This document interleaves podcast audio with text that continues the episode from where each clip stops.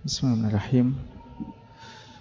Innal hamdalillah nahmaduhu wa nasta'inuhu wa nastaghfiruh wa na'udzu billahi min shururi anfusina wa sayyiati a'malina. May yahdihillahu fala mudilla lahu wa may yudlil fala hadiyalah.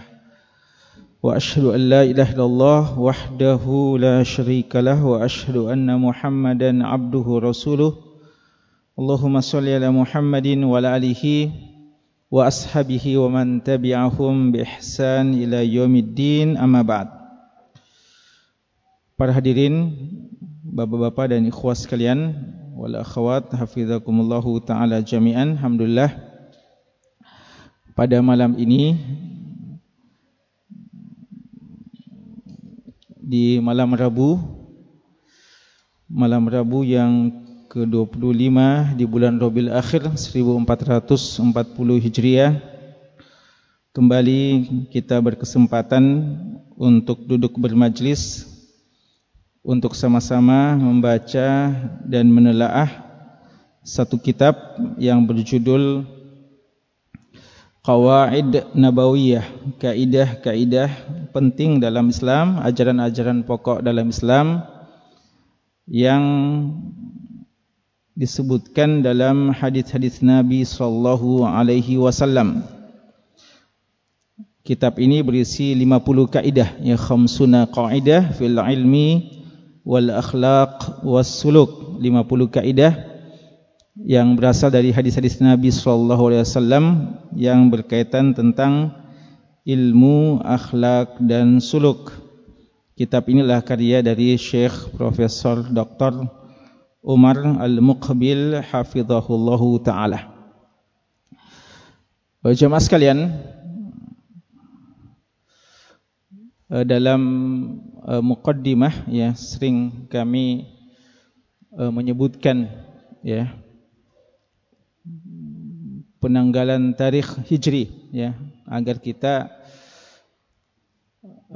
terbiasa ya menjadi familiar di tengah kita penanggalan hijriyah agar kita tahu dan kembali mencintai ya penanggalan hijriyah yang memang merupakan sunnah dari Al-Khalifah Ar-Rashid Al-Faruq Umar bin Khattab radhiyallahu anhu yang disepakati oleh para sahabat Nabi SAW di zaman itu. Dan dia merupakan salah satu sunnah yang dimaksudkan oleh Nabi sallallahu alaihi wasallam fa'alaikum bisunnati wa sunnatil khulafa ar-rasyidin ba'di.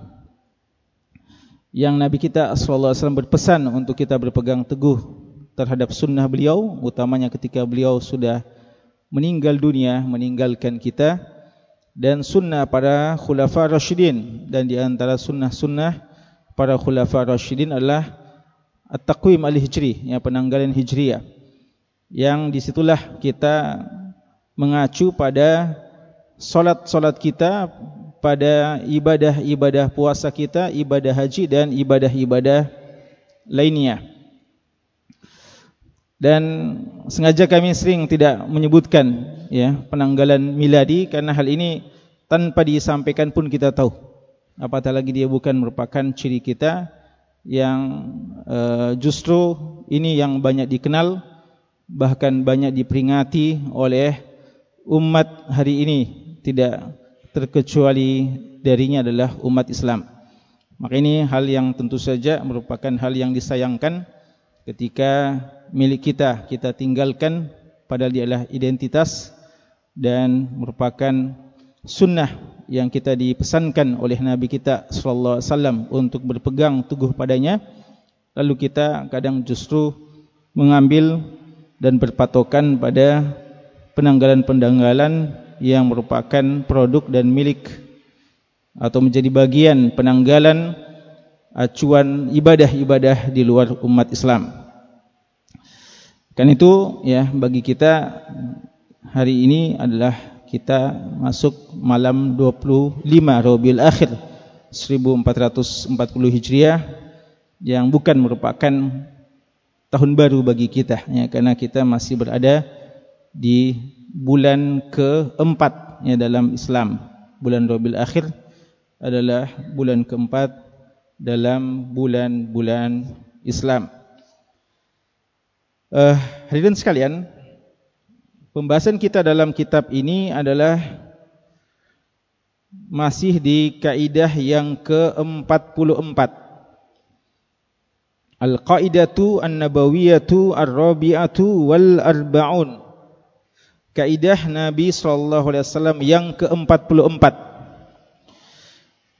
Kita sudah membahas sebagian dari uh, kaidah ini Yaitu kaidah yang berjudul Man kana yu'minu billahi wal yawmil akhiri fal yukrim jarahu. Barang siapa yang beriman kepada Allah dan hari kemudian Maka hendaknya dia memuliakan tetangganya. Kita sudah menjelaskan bahawa makna Mangkana yu'minu billahi wal yawmil akhir Maksudnya adalah Keimanan yang sempurna Orang-orang yang beriman dengan sempurna terhadap Allah dan hari kemudian Memiliki beberapa ciri di antaranya adalah berkata baik atau diam dan ini sudah dibahas pada kaidah sebelumnya. Dan ciri yang kedua adalah fal yukrim jarahu. Hendaknya dia memuliakan tetangganya dan ini yang dibahas oleh Syekh dalam kaidah beliau yang ke-44 ini. Ada beberapa hal yang sudah kita bahas terkait dengan kaidah ini kita sudah menyebutkan pernyataan Umar bin Khattab radhiyallahu anhu di mana beliau menjadikan standar kesolehan seseorang atau menjelaskan kepada kita bahawa pengetahuan tentang solehnya seseorang itu sangat ditentukan oleh bagaimana pandangan orang terdekat darinya entah dia karib kerabatnya atau teman dekatnya dan terutama juga adalah tetangganya. Ida hamida ar-rajula jaruhu wa dhu qarabatihi wa rafiquhu fala tashukku fi salahihi. Jika ada seorang tetangga dan keluarga dan teman dekat yang memuji seseorang maka jangan lagi kamu meragukan tentang kesolehan orang tersebut. Karena orang yang paling tahu tentang seseorang adalah orang yang paling sering berinteraksi dengan orang tersebut. Dan di antaranya adalah tetangga yang terdekat. Ini pernyataan dari Umar bin Khattab radhiyallahu anhu yang diriwayatkan oleh Al-Imam Al-Baghawi ya dalam syarah sunnah beliau. Al-Imam Al-Baghawi dalam syarah sunnah beliau meriwayatkan asar ini dalam kitab beliau. Eh, kita juga sudah menyebutkan uh, beberapa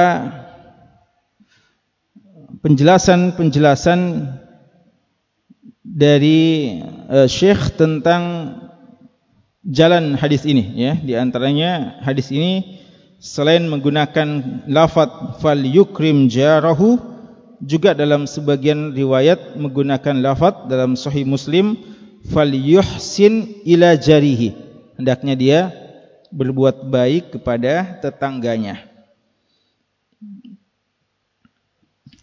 Dan juga kita sudah sebutkan nukilan dari Syekh tentang bagaimana contoh-contoh dalam memuliakan tetangga dan sudah juga dijelaskan sebelumnya bahawa makna memuliakan tetangga ini kembali kepada urf kebiasaan masing-masing daerah, masing-masing adat tertentu selama tidak meninggalkan dan tidak bertentangan dengan syariat. Jadi tidak ada ketentuan baku bagaimana seseorang dikatakan memuliakan tetangganya. Jadi kadang beda maknanya atau beda uh, bentuk praktisnya, teknisnya dalam memuliakan tetangga dari satu adat kebiasaan daerah tertentu dengan daerah yang lain. Namun apa e, namun tentu saja selama tidak bertentangan dengan syariat dan itu yang dimaksudkan dengan al-urf dan itu masuk dalam bingkai kaidah al-adatu muhakkamah. Dan ini kita sudah jelaskan beberapa hal yang terkait dengan masalah ini. Dan terakhir, ya kita sudah menukil juga satu asar ya yang menakjubkan dari sebagian uh, salaf yang dikutip oleh Imam Ghazali dalam Ihya Ulumuddin ketika ada sebagian orang yang mengeluhkan tentang rumahnya yang banyak tikusnya. Ya rumahnya banyak tikusnya. Lalu diusulkan kepada dia untuk pelihara kucing ya supaya tikus-tikus itu lari dari rumahnya. Tapi apa tanggapan beliau? Beliau mengatakan saya khawatir jika tikus-tikus mendengarkan suara kucing maka dia akan lari ketakutan lalu menyeberang ke rumah tetangga ya. Lalu rumahku aman dari tikus dan tetangga yang kerepotan dengan tikus-tikus ya. Dan saya tidak suka menyakiti tetangga dan saya tidak suka di rumah tetangga banyak tikusnya sebagaimana saya tidak suka itu ada pada rumahku ya. Sampai begitu ya. E, bentuk ikram terhadap aljar ya ikram terhadap aljar benar tidaknya ini dalam artian apakah memang tidak boleh ya mengusir tikus atau tidak tentu saja tidak seperti itu. Ya, cuma syahidnya di sini bagaimana beliau tidak mau menyusahkan tetangganya sebagaimana beliau tidak ingin disusahkan. Kita lanjutkan pembahasannya beliau mengatakan uh, Syekh mengatakan hafizahullahu taala wa idza kana husnul jiwar yad'u ilaihi wa yatakhallaqu bihi nafarun min ahli jahiliyah fala an yad'u ilaihi wa yatakhallaq bihi muslim bi rabbi ahq wa aula kalau saja kata beliau memuliakan tetangga ini sudah diajak sudah diserukan sejak dulu oleh orang-orang jahiliyah sebelum datangnya Islam Sebelum datangnya Islam, orang-orang pada tahu merupakan tata krama mereka, adat kebiasaan mereka. Perilaku mereka yang baik adalah memuliakan tetangga. Kata Syekh, kalau itu sudah dikenal di zaman jahiliyah padahal Islam belum datang waktu itu, maka bagaimana lagi dengan seorang mukmin, seorang yang muslim yang beriman kepada Allah dan Rasulnya, maka tentu lebih pantas untuk memuliakan tetangganya. Karena kita memuliakan tetangga bukan hanya karena persoalan tabiat, kebiasaan, hal yang sifatnya manusiawi, tapi dia juga adalah bukan hanya panggilan fitrah, tapi dia adalah juga panggilan syariat yang suci ini. Maka ketika kita memuliakan tetangga, di samping memang merupakan hal yang fitrah, manusiawi, juga adalah sesuatu yang berpahala di sisi Allah. Dan ini yang membedakan dengan orang-orang yang mungkin di luar Islam, Berapa banyak mungkin orang di luar Islam baik dengan tetangga-tetangganya. Tapi itu hanya mendapatkan pahala duniawi. Pahala duniawi dalam artian orang-orang juga suka sama dia, orang-orang juga akan membantunya tapi tidak mendapatkan pahala akhirat di sisi Allah Subhanahu wa taala. Adapun seorang muslim di samping dia akan disenangi oleh orang-orang sekitarnya, utamanya tetangganya, maka dia juga akan mendapatkan pahala yang sangat besar di sisi Allah sekaligus memperkuat dan mempertebal imannya kepada Allah dan hari kemudian. Karena tanda iman kepada Allah dan hari kemudian adalah memuliakan tetangga. Syekh mengutip beberapa syair tentang hal ini. Orang jahiliyah pernah mengatakan, Nari wa narul jari wahidah. Apiku dan api tetanggaku itu satu sama saja. Wa ilaihi qibali yanzilul qidr dan kepadanya menuju kepadanya turun periuk saya. Artinya apa yang saya masak itu juga akan sampai ke tetangga saya. Maka dia namakan apiku dengan apinya satu. Ya, artinya apa yang saya masak itu juga adalah menjadi bagian dari tetanggaku. Wa ma darra jari idza ujawiruhu dan tidak ada yang akan membahayakan tetanggaku ketika saya bertetangga dengannya an la yakuna libasahu sitrun. Ya bahwasanya e, pakaiannya akan tertutup. Artinya tetangganya tidak perlu khawatir akan tersingkap auratnya akan terlihat hal yang tidak boleh padanya karena dia akan senantiasa menahan dirinya untuk tidak menyingkap aib-aib dari tetangganya dan juga tidak akan memandang sesuatu yang tidak boleh dia pandang dari tetangganya.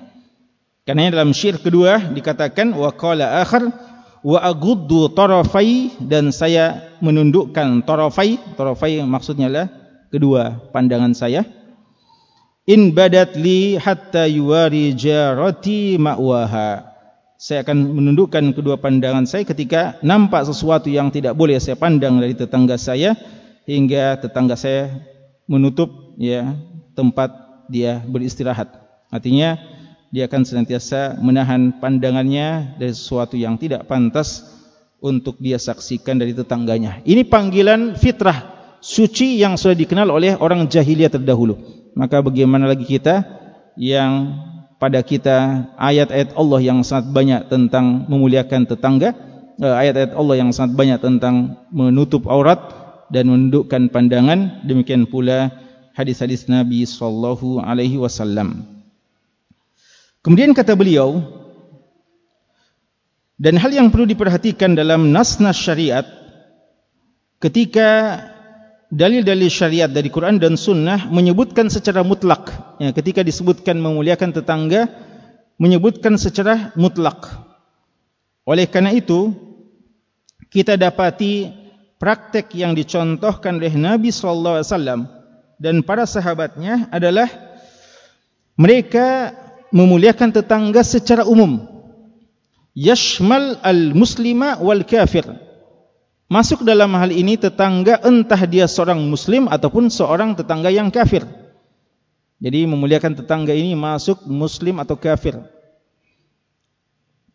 Jadi hal-hal yang merupakan ikram masuk kepada orang muslim dan juga orang kafir termasuk menghadiahkan makanan ya dan ini yang pernah dilakukan oleh Abdullah bin Amr ibn al-As radhiyallahu anhu ketika beliau menyembelih domba lalu beliau tanya keluarganya apa sudah dihadiahkan kepada tetangga kita yang Yahudi itu domba yang telah kita sembelih yang telah kita masak?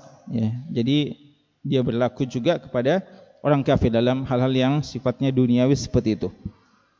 Wal abid wal fasiq masuk padanya juga tetangga yang ahli ibadah dan tetangga juga yang tidak ahli ibadah yang fasik yang banyak melakukan dosa dan maksiat. Ya. Uh, tolong diamankan anak-anak ya. Jangan diinjak-injak uh, rak-rak yang ada musaf ya. Selain bisa pecah di bawahnya musaf ya. Jangan sampai diinjak harus dimuliakan. Tolong panitia perhatikan ya kalau ada eh, anak-anak uh, yang main di situ was-sadiq wal adu dan baik dialah teman ataupun musuh. Ya selama dia tetangga dia juga punya hak. Wal gharib wal baladi tetangga yang uh, orang asing dan tetangga yang merupakan uh, asli di daerah tersebut. Wan nafi wad dar baik tetangga yang selalu memberikan manfaat maupun tetangga yang suka memberikan bahaya kepada kita. Wal qarib wal ajnabi tetangga yang merupakan karib kerabat kita masih ada hubungan kekeluargaan dengan kita atau tetangga yang tidak ada hubungan kekerabatan dengan kita. Wal aqrab daran wal ab'ad dan tetangga yang sangat dekat rumahnya dari kita dan tetangga yang agak jauh rumahnya dari kita. Walahu maratib a'la min ba'd dan tentu saja walaupun semuanya berhak untuk kita muliakan tapi ada tingkatan-tingkatannya kata beliau. Maka tentu saja yang paling duluan kita utamakan adalah yang paling duluan disebutkan tadi. Jadi tadi muslim kafir berarti muslim yang paling duluan. Tapi kafir juga berhak ya dan seterusnya. Jadi muslim kafir abid wal fasik ya abid kita dahulukan dan fasik Namun selama memungkinkan untuk kita muliakan semuanya, maka hukum asal semua tetangga kita itu dengan berbagai macam model bentuk mereka dan sifat-sifat mereka dan dekat jauhnya mereka, mereka secara umum berhak untuk kita muliakan. Seharusnya kita muliakan. Kemudian beliau mengatakan, jika ada yang bertanya, Mahadul jiran, alladhina yajibu lahum hadzal haqq alladhi azzamahu asy-syar'u mana batasan definisi tetangga mana batasan tetangga yang harus dan wajib bagi kita untuk memuliakannya yang sangat ditekankan oleh syariat untuk kita muliakan? Ini pertanyaan. Karena kita diperintahkan memuliakan tetangga dan tetangga mungkin banyak. Mana batasannya? Apa atau siapa saja yang dinamakan tetangga? Yang gitu mungkin ya. Kata beliau, Jawabannya dalam hal ini menentukan jumlah tetangga dan siapa saja yang berhak dikatakan tetangga ini ada ikhtilaf di kalangan ulama kita. Ada perbedaan pendapat di kalangan ulama kita. Namun menurut beliau yang dipilih oleh Syekh As-Sahhul Aqwal pendapat yang paling sahih dalam hal ini ya kan ada yang mengatakan tetangga itu 40 rumah dari kita. 40 rumah itu 40 jumlahnya. Jadi dia bagi empat, sepuluh sepuluh, sepuluh kanan, sepuluh kiri, sepuluh depan, sepuluh belakang. Ya, kalau kita berada di empat penjuru, ya empat uh, mata angin, ya mungkin kanan, kiri, uh, kanan, kiri, depan, belakang. Atau sebagian mengatakan tidak, justru maksudnya adalah empat puluh empat puluh, empat puluh kanan, empat puluh kiri, empat puluh depan, empat puluh belakang. Itu lebih banyak, seratus enam puluh jumlahnya. Dan ada yang mengatakan tetangga adalah yang kalau kita panggil dia mendengarkan suara kita dengan panggilan yang pertengahan, tidak terlalu keras, tidak terlalu juga lembut. Ada juga yang mengatakan tetangga itu adalah yang solat berjamaah dengan kita khususnya solat subuh. Karena itu menunjukkan bahwasanya rumahnya dekat dengan kita. Itu diantara pendapat-pendapat yang dikatakan. Tapi Syekh memilih pendapat yang mana? Beliau mengatakan wa sahul aqwal fil mas'alah fi hadil mas'alah pendapat yang terkuat dalam masalah ini adalah ini kembali kepada urf kembali kepada urf kebiasaan adat satu daerah atau tempat tertentu fama ta'arafa alaihi nasu annahu minal jiran fa huwa kadzalik insyaallah apa yang menurut orang di situ itu tetangga maka itulah yang dinamakan tetangga kembali kepada urf masing-masing kan beda-beda itu ya jadi kalau kita di kota mungkin sedikit saja. Kalau di daerah itu desa itu semua baku kenal semuanya. Ya, dibilang keluarga saya itu. Kalau ditanya telusuri keluarga mana, ternyata keluarga yang sangat jauh. Ya. Jadi kalau bilang di mana tempatnya rumahnya teman antum itu, dekat rumah saya. Lalu di mana kita jalan sama dia sudah berkilo-kilo belum sampai juga. Ya. Dia bilang dekat. Yang menurut dia dekat. Kalau kita anggap jauh. Ya, memang beda urf kebiasaan satu tempat dengan tempat yang lain. Maka kalau di kampung mungkin tetangga itu banyak sekali ya semua dianggap tetangga karena dia bermasyarakatnya bagus dan bisa kumpul dengan mereka dan bisa saling berziarah dan saling membantu di antara mereka kalau orang perkotaan mungkin sangat terbatas ya jadi itu kembali kepada urf masing-masing yang penting jangan kita bilang saya tidak punya tetangga ya. Karena tidak maunya bersosialisasi tidak mau untuk bergaul dengan orang sekitarnya sampai dia mengatakan urf kebiasaan saya bahwa saya sekarang berada di tempat yang tidak ada tetangga itu tidak dikenal dalam syariat. Fama ta'arafa alaihi nasu annahu minal jiran fahuwa kadzaliku fahuwa kadzalika insyaallah taala dan pendapat ini kata beliau adalah pendapat yang dipilih oleh al-Imam Ibnu Qudamah rahimallahu taala. Jadi boleh jadi 40 boleh jadi lebih dari itu dan seterusnya. Uh, kemudian ikhwas sekalian, di sini beliau kutip perkataan hadis ya Nabi kita sallallahu alaihi wasallam.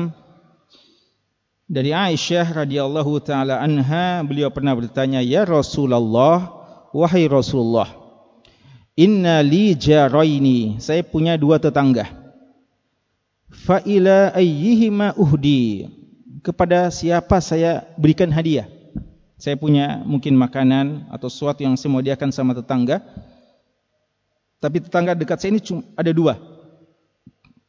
Ada dua, mungkin kanan ada yang paling dekat dan di sampingnya. Kepada siapa saya berikan hadiah ini yang mungkin terbatas? Kata Nabi sallallahu alaihi wasallam, ila aqrabihima ilai eh, minki baba. Ya, ila aqrabihima minki baba kepada tetangga yang paling dekat pintunya kepadamu Jadi yang paling dekat rumahnya kepadamu. Jadi yang paling dekat pintunya kepadamu. Jadi artinya makin dekat maka makin berhak terhadap kita. Ai asyadduhu makurba. Ya, hikmahnya kenapa sampai begitu ikhwas sekalian? Kenapa sampai Nabi kita sallallahu alaihi wasallam mengatakan yang paling dekat dari rumah kamu? Hikmahnya adalah karena yang terdekat itu yang paling mengetahui apa saja yang masuk di rumah tetangganya. Ya kalau kita masak, ya kalau kita memasak sesuatu mungkin memang karena dia yang paling tahu apa yang kita miliki atau apa yang kita uh, bawa. Ya Roma yadkhul bait jarihi min hadiah wa ghairiha. Karena dia yang uh, mengetahui apa yang dibawa oleh tetangganya dari hadiah dan selainnya. Fayatashawwaf laha. Ya dia selalu mengharap-harapkan. Mudah-mudahan juga dia bisa dapat bagian dari tetangganya. Bi khilafil abad berbeda dengan yang jauh. Dan juga selain itu ya selain karena mereka yang lebih tahu apa yang ada di rumah kita juga di antara hikmahnya karena tetangga yang terdekat itu yang paling cepat responnya paling cepat menjawab ketika ada masalah-masalah penting dan genting yang terjadi di rumah kita bahkan mungkin dia lebih cepat membantu kita sebelum keluarga kita ya sebelum karib kerabat kita. Jadi sebelum kita mungkin mau nelpon, mau hubungi karib kerabat kita, kita sangat butuh bantuan tetangga yang paling duluan atau yang paling memungkinkan untuk duluan membantu kita. Terutama di waktu-waktu fi, fi awqatil ghafla, terutama di waktu-waktu lalai. Artinya waktu-waktu kita istirahat ya, di malam hari. Ya mungkin ada seseorang yang uh, tetangga yang mau melahirkan lalu tidak ada kendaraannya ya mau padahal ini sudah sangat mendesak menghubungi keluarganya sangat jauh mungkin akan segera datang tapi masih membutuhkan waktu setengah jam 15 menit ini tetangga sebelah siap kapan diminta dia akan bantu jadi ini di antara hikmah kenapa? Pada saat kita harus berkhidmat kita juga lebih dahulukan tetangga yang terdekat. Itu yang paling punya uh, paling berhak dan memiliki uh, ya paling memiliki hak yang besar terhadap kita untuk kita berbuat baik dan memberikan hadiah kepadanya. Uh, host kalian, jadi tadi pembahasan tentang bagaimana berbuat baik kepada tetangga.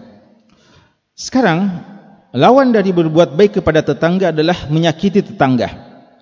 Ya, Syekh menyebutkan kebalikan dari apa yang telah kita sebutkan tadi kemuliaan, keutamaan berbuat baik kepada tetangga, maka sebaliknya di sana juga ada ancaman-ancaman yang sangat keras bagi orang-orang yang menyakiti tetangganya. Di antaranya hadis yang diriwayatkan oleh sahabat yang mulia Abu Shuraih radhiyallahu taala anhu yang disebutkan oleh Imam Bukhari dalam sahihnya di mana Nabi kita sallallahu alaihi wasallam pernah bersabda wallahi la yu'min wallahi la yu'min wallahi la yu'min. Ya antum lihat ini takkid Nabi kita sallallahu alaihi wasallam sudah mengatakan wallah demi Allah. Ini kalau sudah disebutkan demi Allah penegasan yang dikatakan adalah seorang yang pasti benarnya tidak butuh sumpah kita tanpa sumpah beliau kita sudah ya, sangat yakin dengan perkataan beliau tapi ketika beliau sumpah maka itu menunjukkan apa yang beliau mau sampaikan sangat penting Dan juga beliau ulangi tiga kali. Ini menunjukkan bahawa ini masalah-masalah yang sangat penting bagi beliau. Wallahi la yu'min, wallahi la yu'min, wallahi la yu'min. Sampai-sampai para sahabat. Dan ini juga diantara cara Nabi kita sallallahu alaihi wasallam untuk menarik perhatian para sahabatnya. Ya, beliau sering kadang memancing dulu. Ini walimuka kalimat, saya akan ajari kamu berapa kalimat. Ala unabbiukum, maukah kalian aku kabarkan? Itu diantara metode beliau. Beliau selalu uh, pancing dulu respon dari para sahabat untuk memperhatikan apa yang beliau mau ajarkan dan sampaikan. Juga di antaranya adalah beliau memberikan mukaddimah seperti itu. Demi Allah tidak beriman, demi Allah tidak beriman, demi Allah tidak beriman. Tentu saja ketika kita mendengarkan, kita akan mengatakan apa-apaan ini? Siapa yang tidak beriman? Ya, maka kita akan memperhatikan dengan baik apa yang beliau akan katakan. Para sahabat mengatakan, "Wa man ya Rasulullah?"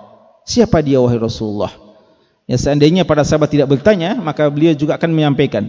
Tapi uh, tentu saja para sahabat akan terhentak dan akan uh, terpancing untuk bertanya kepada Nabi sallallahu alaihi wasallam siapa yang dikatakan tidak beriman. Dan ini kuaskan menegaskan bahwasanya memang ini di antara ciri iman ber, berbuat baik sama tetangga.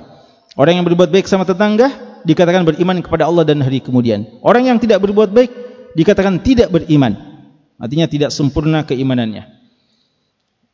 Wa man ya Rasulullah? Siapa dia wahai Rasulullah? Kata Nabi sallallahu alaihi wasallam, "Allazi la ya'manu jaruhu bawa'iqahu." Yaitu seorang tetangga yang tidak aman atau tetangga yang lain tidak aman dari gangguannya. Jadi tidak dikatakan beriman yang sempurna seorang tetangga yang tetangga lain selalu merasa diganggu olehnya selalu merasa tersakiti oleh tetangganya. Tetangga yang suka menyakiti tetangganya, yang suka mengganggu, menyusahkan tetangganya, maka Nabi SAW menafikan padanya keimanan yang sempurna. Maka kata Syekh, ini adalah dalil tentang haramnya kita melakukan sesuatu yang bisa mengundang permusuhan kepada tetangga kita. Entah dengan perkataan atau dengan perbuatan. Bagaimana contohnya? Ya Syekh di sini mencontohkan kepada kita. Jadi nanti tinggal kita jabarkan ya, tapi Syekh memberikan beberapa contoh agar kita bisa paham. Beliau mengatakan, "Amma bil qaul," adapun tentang perkataan, contoh perkataan yang bisa dengannya tetangga kita tersakiti, terganggu. Seperti contohnya kata beliau, "An yasma'a minhu ma yuz'ijuhu wa yuqliquhu." Contohnya adalah ketika tetangga mendengarkan dari tetangganya sesuatu yang mengganggunya dan membuatnya tidak tenang. Ya hal-hal yang bising yang mengusik ketenangan, ketentraman dan istirahat dari tetangganya. Kalladina yaftahuna radio atau television ya seperti orang yang membuka ya menyetel radionya, suara radionya atau suara televisinya dengan volume yang keras yang membuat tetangganya terganggu. Ya tetangganya mungkin mau tidur siang terganggu.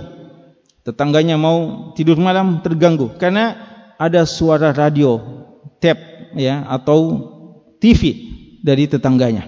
Keras sekali volumenya.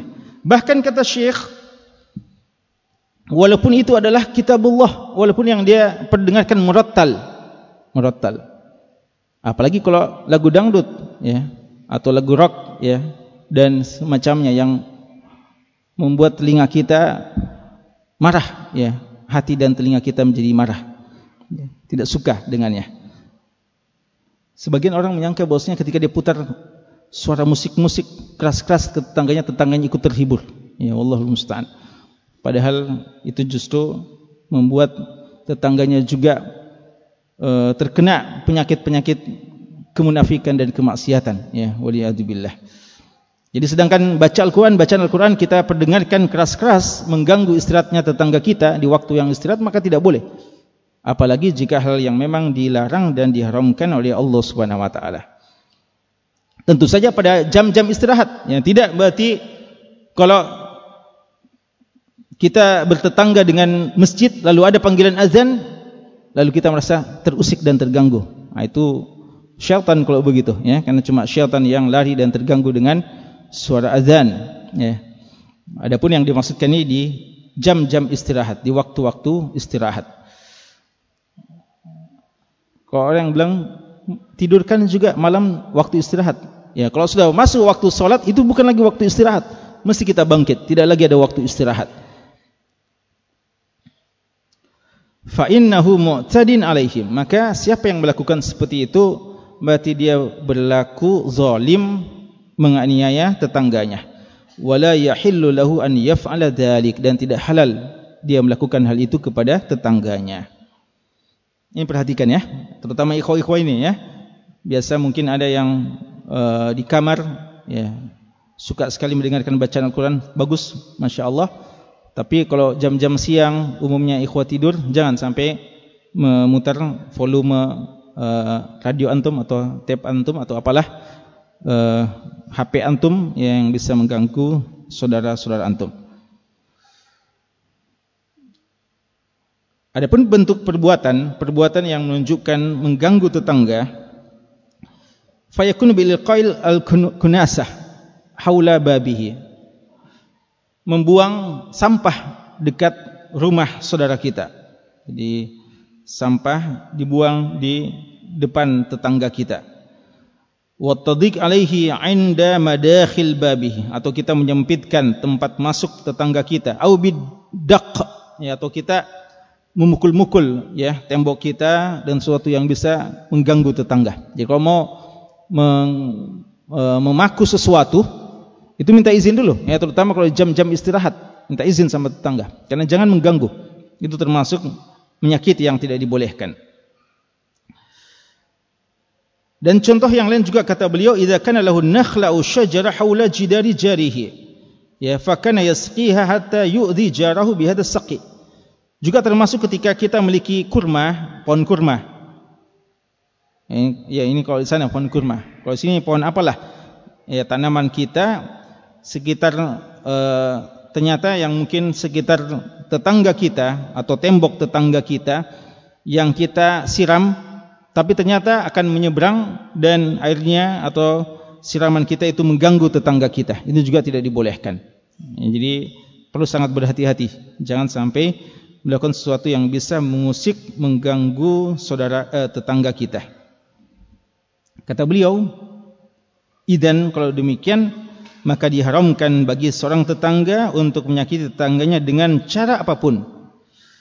Dan kapan dia melakukan itu maka dia tidak dinamakan beriman, tidak dinamakan beriman dan maksudnya adalah tidak dinamakan beriman yang sempurna. Khawas sekalian, begitu banyak sifat-sifat orang beriman. Allah menyebutkan dalam surat Al-Mu'minun di antara sifat orang beriman khusyuk dalam solatnya, meninggalkan hal yang sia-sia, ya, melakukan zakat, me, tidak melampiaskan uh, syahwatnya kecuali kepada istri dan seterusnya.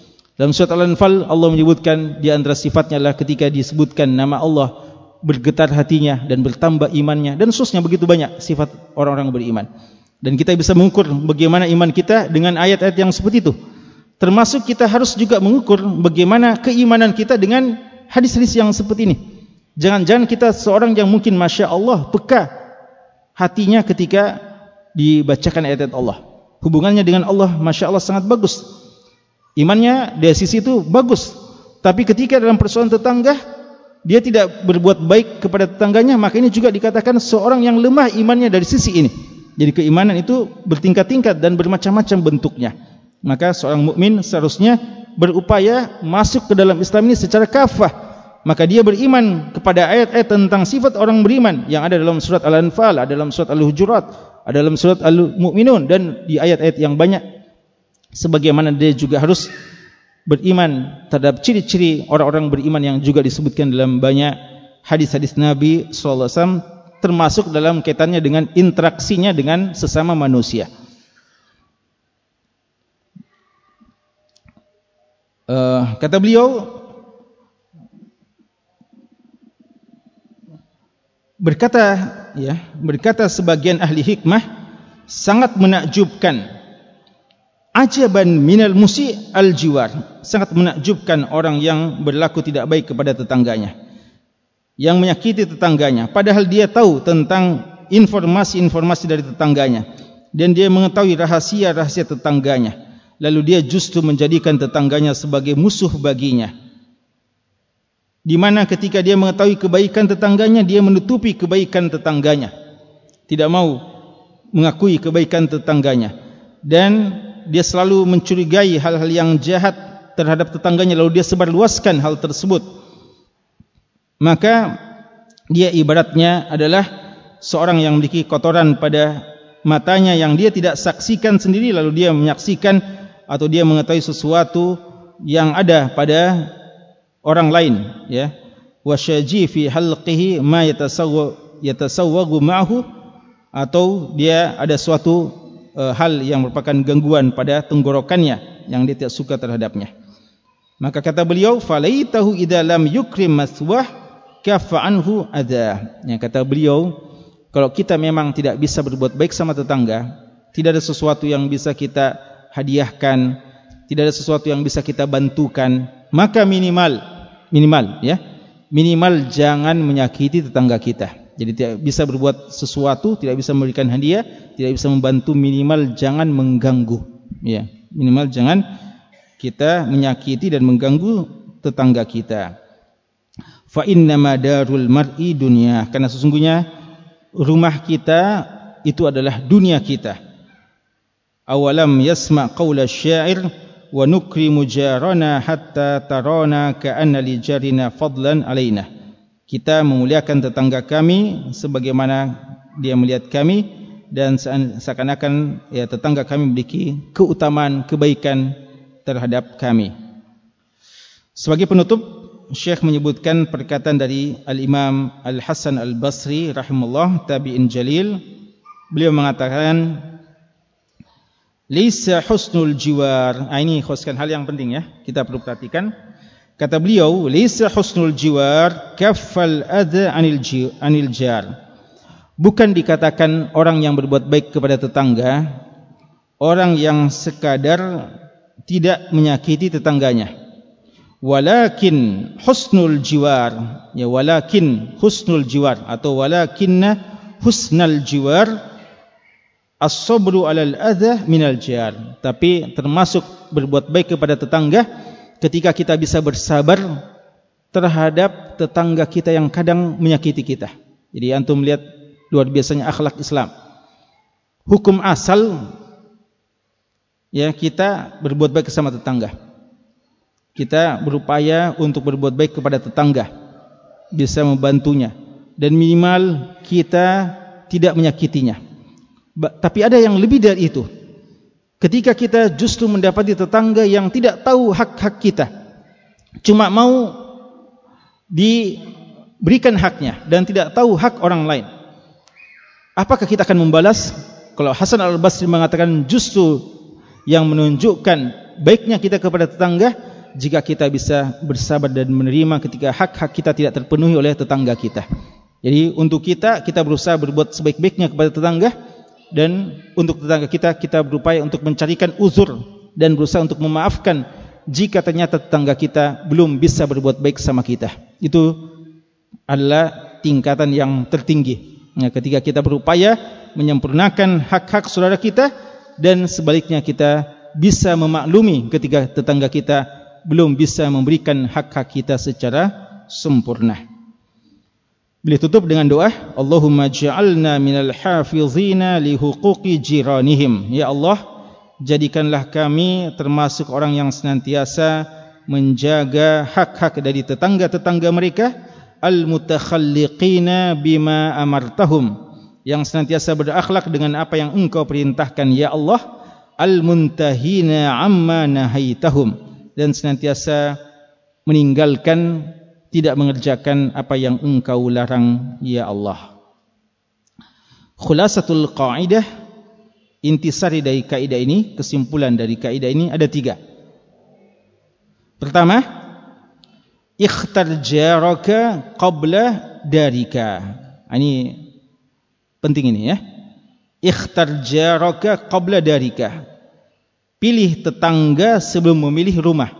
Jadi biasa orang tidak pusing ya dia cuma lihat bagaimana aman banjir gimana gimana dia tidak lihat apakah kompleks yang akan dia tempati itu kondusif untuk keimanan dia dan keimanan anak-anaknya.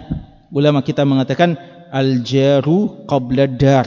Ya tetangga dulu perhatikan eh, perhatikan dulu siapa tetangga kita sebelum kita memilih rumah kita. Dan Imam Ibn Qasir rahimahullah taala menjadikan di antara dalil dari pernyataan al-jar qabla dar doa dari uh, istri Fir'aun ya Asiyah bintu Muzahim. Asiyah ini berdoa kepada Allah Rabbi ibnili indaka baitam fil jannah. Rabbi ibni li indak baitan fil jannah ya Allah bangunkan untukku indak di sisimu baitan rumah fil jannah di surga. Beliau sebutkan indaka sebelum baitan. Ya indak di sisimu ya Allah rumah. Dia tidak mengatakan ibnili baitan indak tapi indaka baitan. Jadi ini dalil atau di antara uh, istinas dari ayat ini bahwa indak dia adalah jar. Ya beliau ingin tetangganya adalah Allah. Ya luar biasa. Ya Asia ini Allah takdirkan di dunia bertetangga bahkan sekamar dengan Firaun manusia yang sangat jahat. Tapi beliau adalah penghuni surga. Karena beliau minta agar nanti digantikan dia bertetangga dengan Allah Subhanahu wa taala di surga beliau minta dulu tetangga dengan Allah sebelum minta rumah di surga. Jadi al-jaru qabla ad-dar. Yang kedua at-taqsiru fi huquqil jiran muasyirun khatirun ala tafakkukil mujtama' kelalaian dalam menunaikan hak-hak tetangga maka dia adalah muasyir indikator.